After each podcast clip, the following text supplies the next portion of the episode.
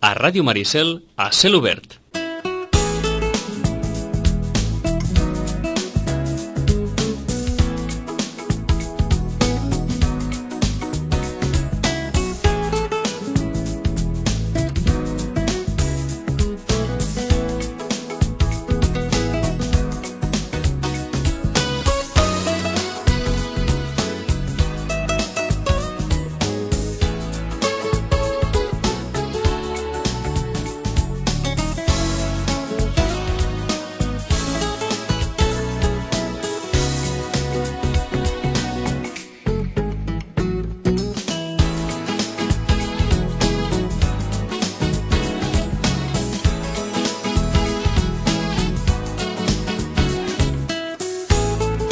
Onze i 20, com cada 15 dies, el nostre habitual espai dedicat al món dels llibres, les eh, bones recomanacions, eh, sens dubte, que ens arriben des de Llorenç Llibres i de la Rosana Lluc. Rosana, bon dia, bona hora. Hola, molt bon dia. Eh, jo no sé si, ara que eh, podríem dir s'acosten els Jocs Olímpics de, de, de Pequín, aquells llibres que tenen una relació directa amb el món de l'esport tenen una especial sortida. Mm, jo diria que no. Bueno, no ho sé. No, no ho hem notat massa. No s'ha notat massa, no? No, no ho hem notat massa. Suposo que, suposo que el que volen és veure-ho, no? El que Mhm. volen veure esport és veure-ho realment. Però vaja, diria... Molt el bé. Que, el que sí és que mm, el que es nota és l'aparició d'un munt de llibres eh, sobre Xina, Japó i aquestes cultures. Val, eh? no hi ha una relació directa amb el món de l'esport, diguem-ho així, però sí una miqueta... Sí, eh, almenys amb- durant uns mesos. a nivell de país. Hi ha hagut, hi ha hagut eh, fins i tot amb, amb obres d'assaig, eh, perquè sapiguem un, una mica Mhm, no? de, de la cultura... de la cultura xinesa, de més que res, doncs, aquest gegant, no? Mhm. que, que, que ens ve, no? I, I tant. I després també una mica doncs, de literatura. Eh? Vam, vam estar-ne parlant fa temps, perquè és que, clar, com que els editors eh, ara ja estan de vacances, doncs se's van avançar, no?, diguéssim. Mhm. Però sí que és veritat que doncs, fins, Salamandra va treure un de, que ja era la, la segona novel·la de la Lisa Sí, Uh, l'últim emperador, l'últim emperadriu també va sortir alhora, o sigui, mm, és com una coincidència que no sabem si era massa coincidència. Molt bé. Això no vol dir que el públic estigui, doncs, ara, per aquest tema, eh? O sigui, que els lectors tinguin ganes ara d'això. Eh? És a dir, els Jocs Olímpics s'han de veure més que llegir.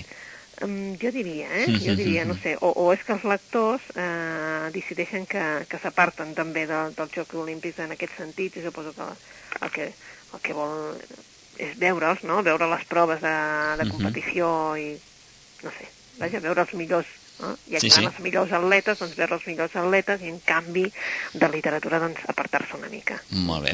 Doncs hem volgut començar per aquesta qüestió. Bé, bàsicament, com li dèiem amb la Rosana, per la proximitat dels Jocs Olímpics i si hi havia una, una relació directa eh, eh, amb, amb aquest tipus de, de literatura que és l'esportiva i que, mm, en línies generals, eh, Rosana, no sé si dir que té un, un, un públic minoritari, mm, diguem-ho així. Jo, jo diria que sí, Sí. que té un públic més minoritari. Ara, això sí, també us hem de dir que aquí, que he aprofitat l'ocasió per dir-ne per riure entre cometes, eh? Per, Sí. dir-ne- per fer-ne una mica així, doncs, eh, per treure-li el, el caire en tot això més oficial ha sigut, evidentment, eh, l'immortal Ibáñez, no? Sí. Que ha fet un àlbum del Mortadelo i Filemón sobre Pequín 2008. Eh? Mhm, molt Vull bé. que, I també he aprofitat doncs, aquests últims dies de juliol per treure l'àlbum, ja fa uns dies que està al carrer, i és evident doncs, que ha fet un expositor especial, etc etc perquè aquests dies doncs, que es vegi doncs, que ell també sap, mm, sempre, com que sempre fa alguna cosa amb, amb els temes molt, molt, molt d'actualitat, Sí. és increïble, però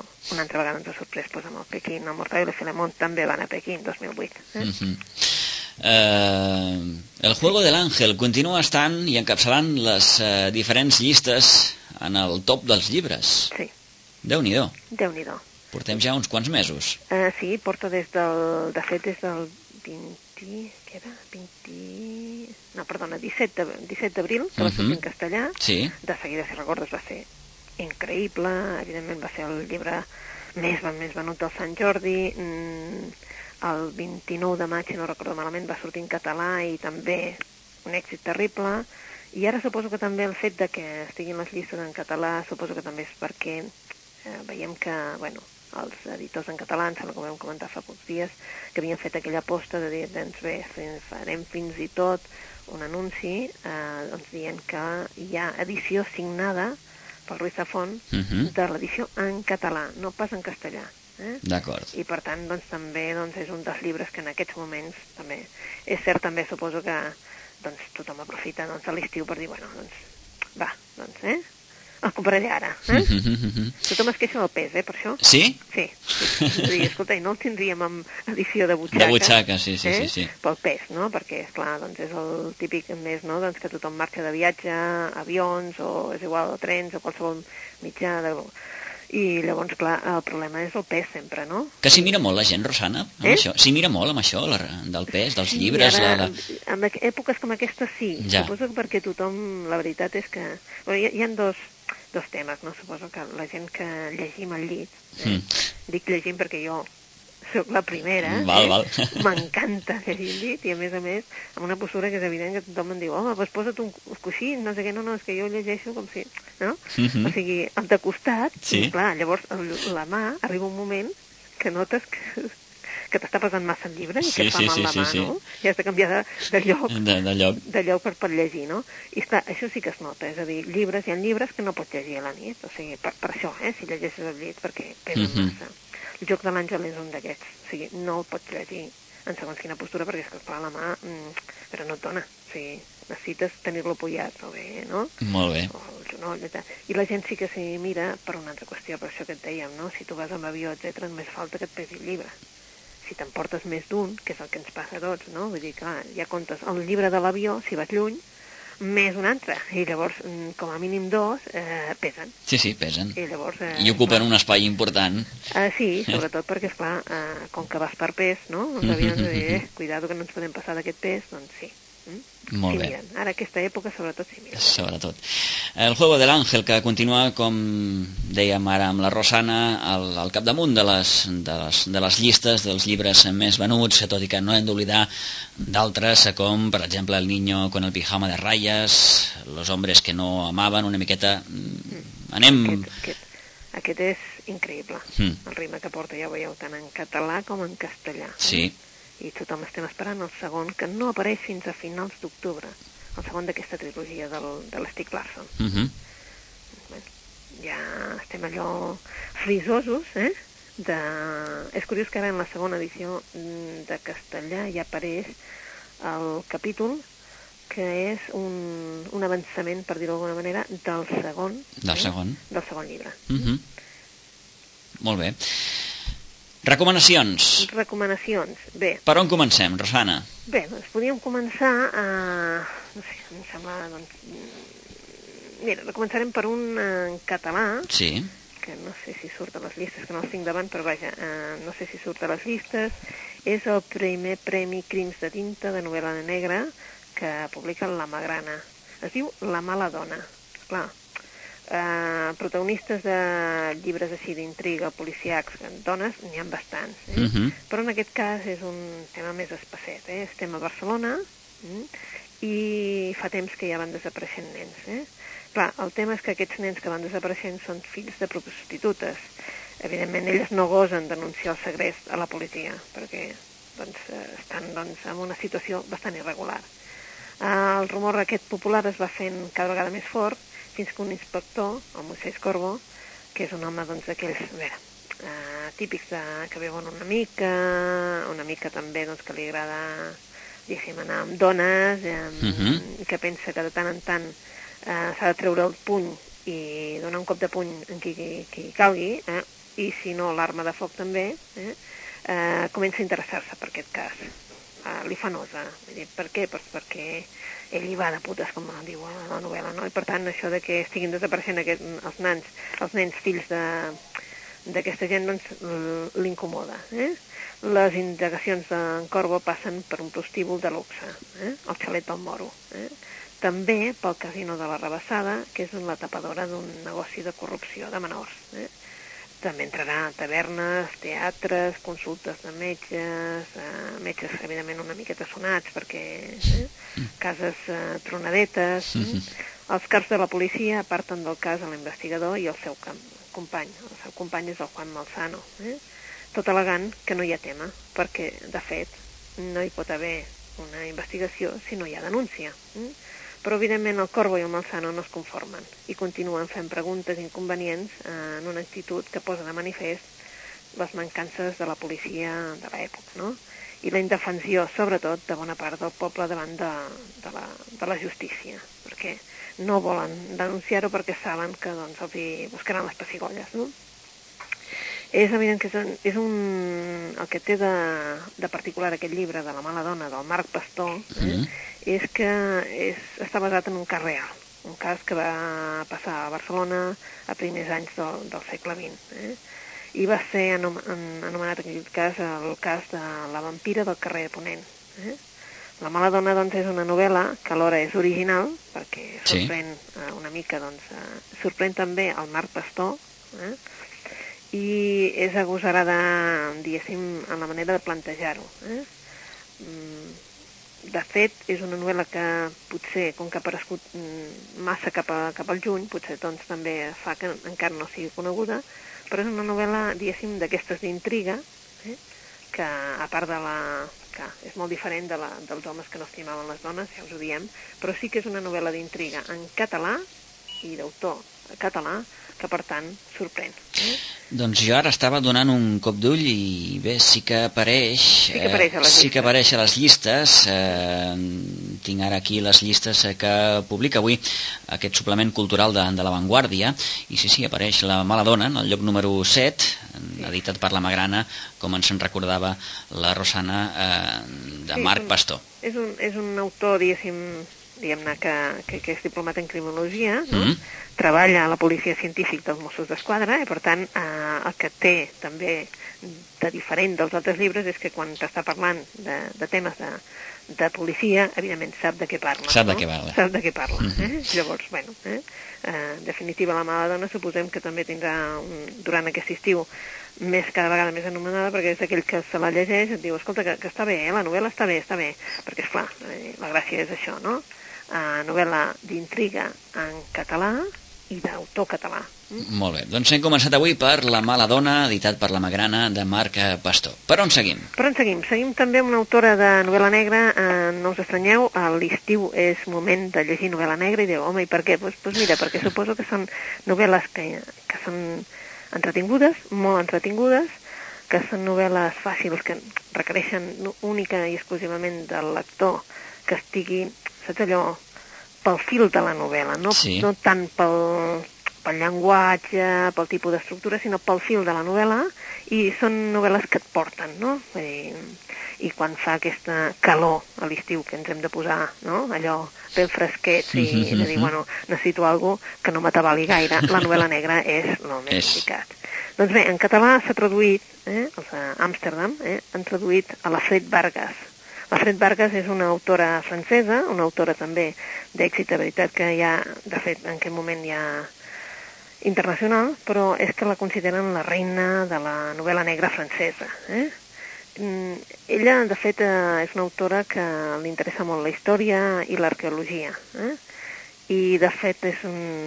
l'han traduïda en castellà, estava traduïda per la, per Ciruela en té un munt de novel·les, s'han posat darrerament en butxaca, ah, ja us diem que en castellà, però com a mínim en castellà sí les podeu trobar en castellà en butxaca, uh -huh. i ara tenim la tercera verge publicada en català.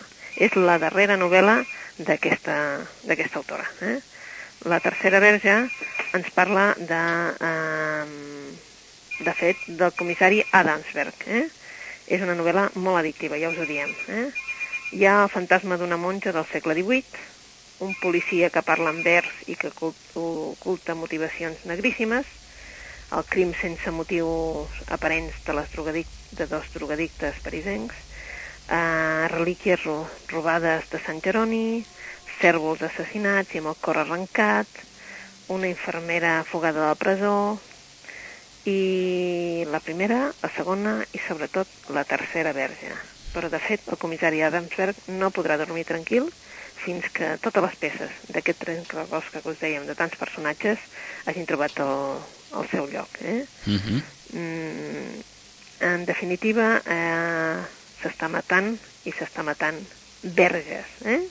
I llavors eh, el que passa és això, abans de que hi hagi una tercera verge, és allò, obra de les tombes, però hem de saber encara, mm, hem d'anar més ràpid que, que ell, perquè ell pensa matar segurament una tercera verge.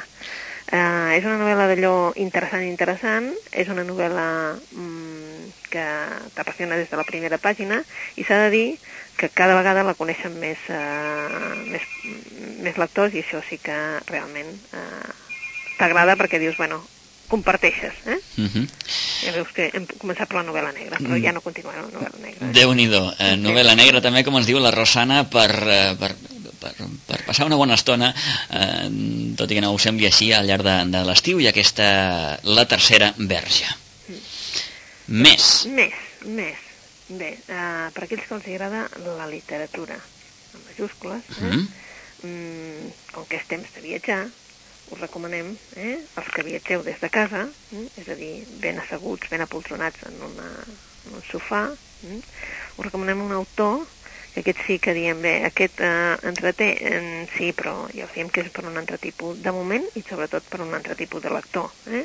en el sentit de que en el lector que en aquell moment estigui buscant una cosa, literatura, i a més a més doncs, de viatges, de sensacions, de literatura molt ben escrita. Es diu El viatjar infinit i ve de la mà d'un autor que és el Claudio Magris. Mm? Ja conegut perquè doncs, té diverses eh, novel·les, novel·les també hem de dir amb un llenguatge d'aquells de, que, preciosista i que quan el llegeixes dius, bueno, espera un moment que m'apunto, eh? m'ho apunto. Eh? Doncs bé, El viatjar infinit, traduït al català per les edicions de 1984, és un quadern de viatges, però és un quadern de viatges d'aquells que has de dir esplèndid. Eh? Um, és un quadern de viatges de vida viscuda, és a dir, no de viatges que pots fer, sinó que de viatges viscuts. No? Uh -huh. És el diari de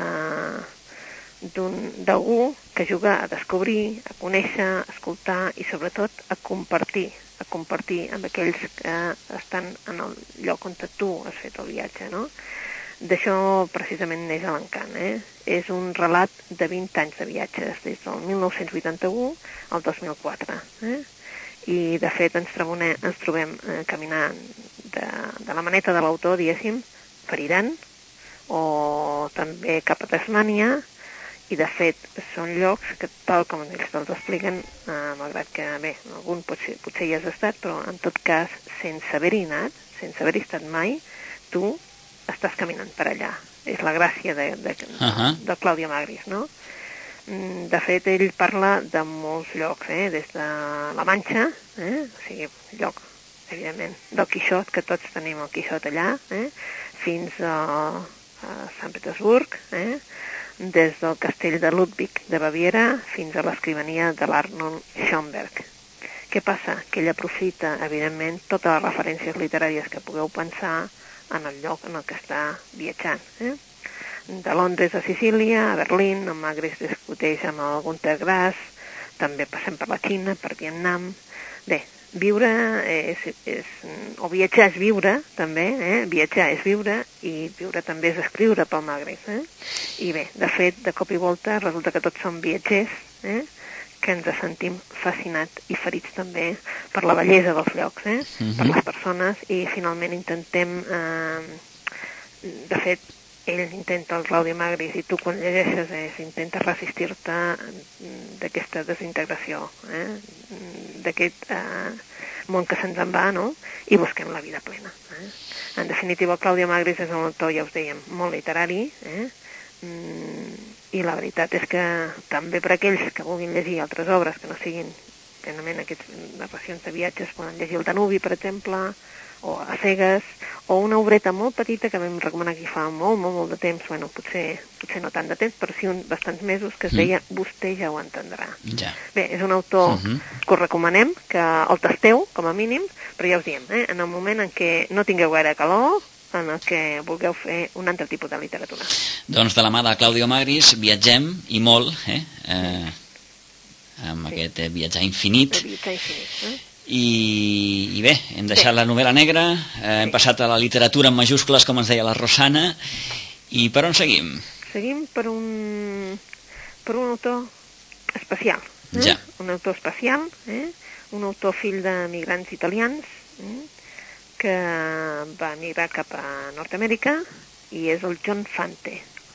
El John Fante, de fet, va treballar com a guionista a Hollywood i de fet, es va dedicar sempre, sempre a la literatura. Malgrat que, pobre, doncs, només va reconèixer eh, la crítica i el reconèixer i tal, eh, només el van reconèixer quan ja havia mort, una mica tard, Ah. però evidentment... Què passa de vegades, això? Eh, exacte, passa Sí, sí. bastant. Eh? De fet, eh, entre els seus llibres, eh, realment doncs, els, els, els més coneguts són els protagonitzats per un personatge, que en Mm. definitiva seria el seu alter ego, que era l'Arturo Bandini. Eh? Espera la primavera Bandini, Pregúntale al polvo, Camino a Los Ángeles, eh? i bé, mm, Llenos de vida, que és el llibre que ara ha publicat Anagrama, Anagrama l'està, diguéssim, publicant tots els seus llibres, ha sigut el que eh, eh, li ha anat publicant tota la seva bibliografia. Doncs bé, eh, d'aquest autor, el Charles Bukowski deia que bé, e- era com un déu, eh? per ell era com un déu. Eh? Eh, Anagrama ja n'ha publicat vuit de novel·les del John Fante, i aquest és un autor que us diríem que és americà, americà amb, amb totes les lletres, eh? és a dir, que el que vulgui buscar un tipus de literatura americana i el tipus de, de vida de que es feien als anys 50, doncs és aquest. Eh? Estem als, a Los Angeles, a Mhm. començament dels anys 50, eh, aquella dècada més o menys que se li deia que es va començar a propagar una manera de viure que era The American Way of Life, no? la dècada en que els nord-americans eh, van identificar la prosperitat amb els valors familiars, amb els religiosos, eh? allò mm, aquella època en què tots els que, els que vivien a Los Angeles, a Califòrnia, doncs tots volien una casa espectacular, un barri residencial, mm, era allò eh, no en tenien, no, no guanyaven lo suficient per contractar el Frank Lloyd Wright, però es conformaven amb, amb un ranxet d'aquells eh, Mhm. en forma de, de L, eh? Eh, bé, doncs en una d'aquestes cases, però amb tèrmits a la cuina, amb una, un núvol tòxic al carrer i amb un tràfic infernal, a 50 metres, hi viu un pròsper guionista. Eh? És un guionista de Paramount, que als 30 anys ha renunciat a aquesta rebel·lia juvenil.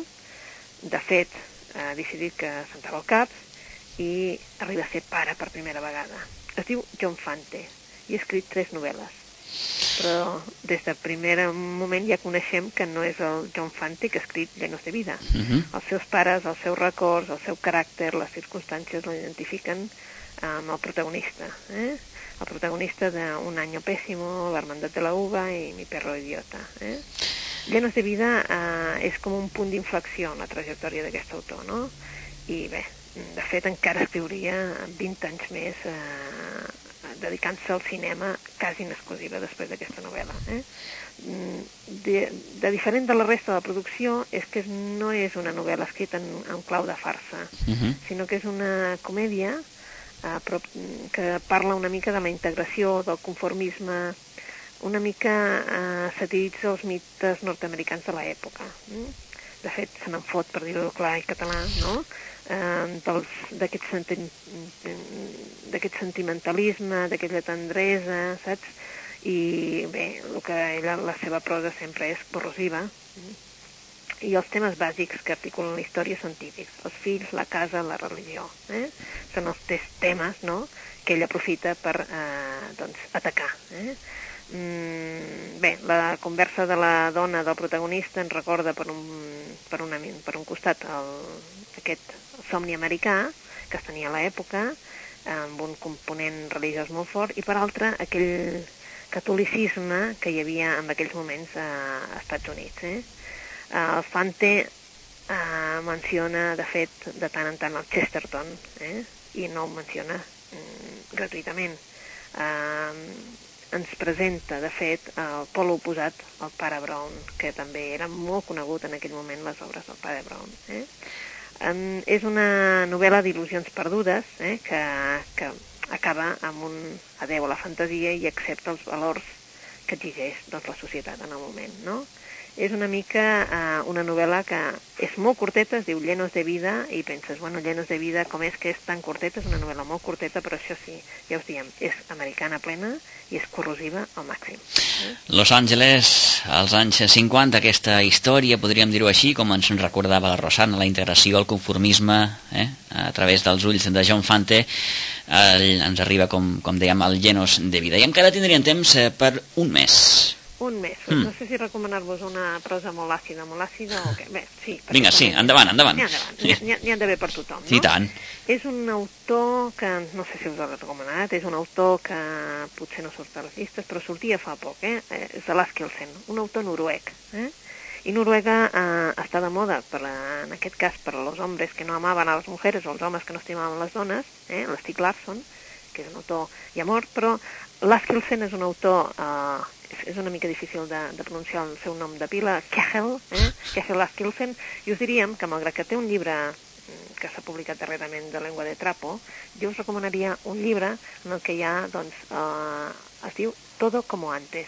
Per aquells que no volen llibres que pesin, és un llibre de butxaca, un llibre, doncs, per tant, d'un altre preu, molt baratet, i un llibre, mm, per això sí, eh? heu d'estar d'un humor alt, perquè si no, el, ell és àcid, àcid, àcid. El 200%. El 200%. Vull dir, ja no hi arriba més perquè no es pot arribar perquè no es pot. Eh? Però sí que té aquella gràcia que tu llegeixes i dius, vale, doncs bé, acceptem-ho, no?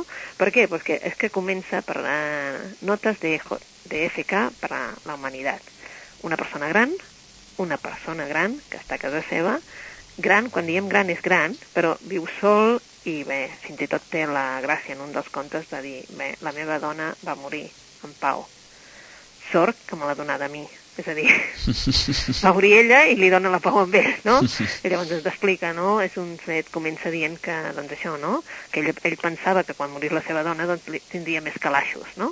perquè, esclar, la seva dona ocupava massa calaixos, no? I tu penses un dia, i ara et dirà, doncs, que ho sent moltíssim perquè està molt sol, ni doncs, parlar-ne. Tot el contrari. Tot el contrari, o sigui, uh -huh. no, és acceptar que és una persona, fins i tot diríem una mica malparit, no? allò que diem els catalans, doncs no, no, no arriba al cinisme total, eh, hi ha uns contes fantàstics, el de la seva filla, el del seu germà, de que el seu germà sempre volia tenir l'última paraula, i ja veureu com acaba tenint l'última paraula, però és l'última, sigui, davant seu i l'última, no? I dius, bueno, eh, és un autor que us el recomanem si esteu allò, amb ganes d'una cosa molt àcida, de molt diferent a tot el que haureu llegit, però d'un autor noruec i a més a més és un autor eh, molt bo també, considerat moltíssim a Noruega. Molt bé. Todo como antes. Todo, todo como antes, uh -huh. exacte. Eh? Aquest humor... Aquesta és la, la d'això. Eh? L'humor àcid a través d'aquest autor àcid, sí, noruec. Sí, sí, sí. és T'acompanyaré a casa. Eh? Uh -huh. bueno, eh? Doncs amb humor àcid acabem avui la nostra eh, conversa habitual amb la Rosana Lluc des de Llorenç Llibres i les eh, recomanacions que ens acaba de fer. Rosana, moltíssimes gràcies una vegada més. Moltes gràcies a vosaltres. I fins aquí 15 dies. Fins aquí 15 dies. Vinga, adeu-siau. Adéu.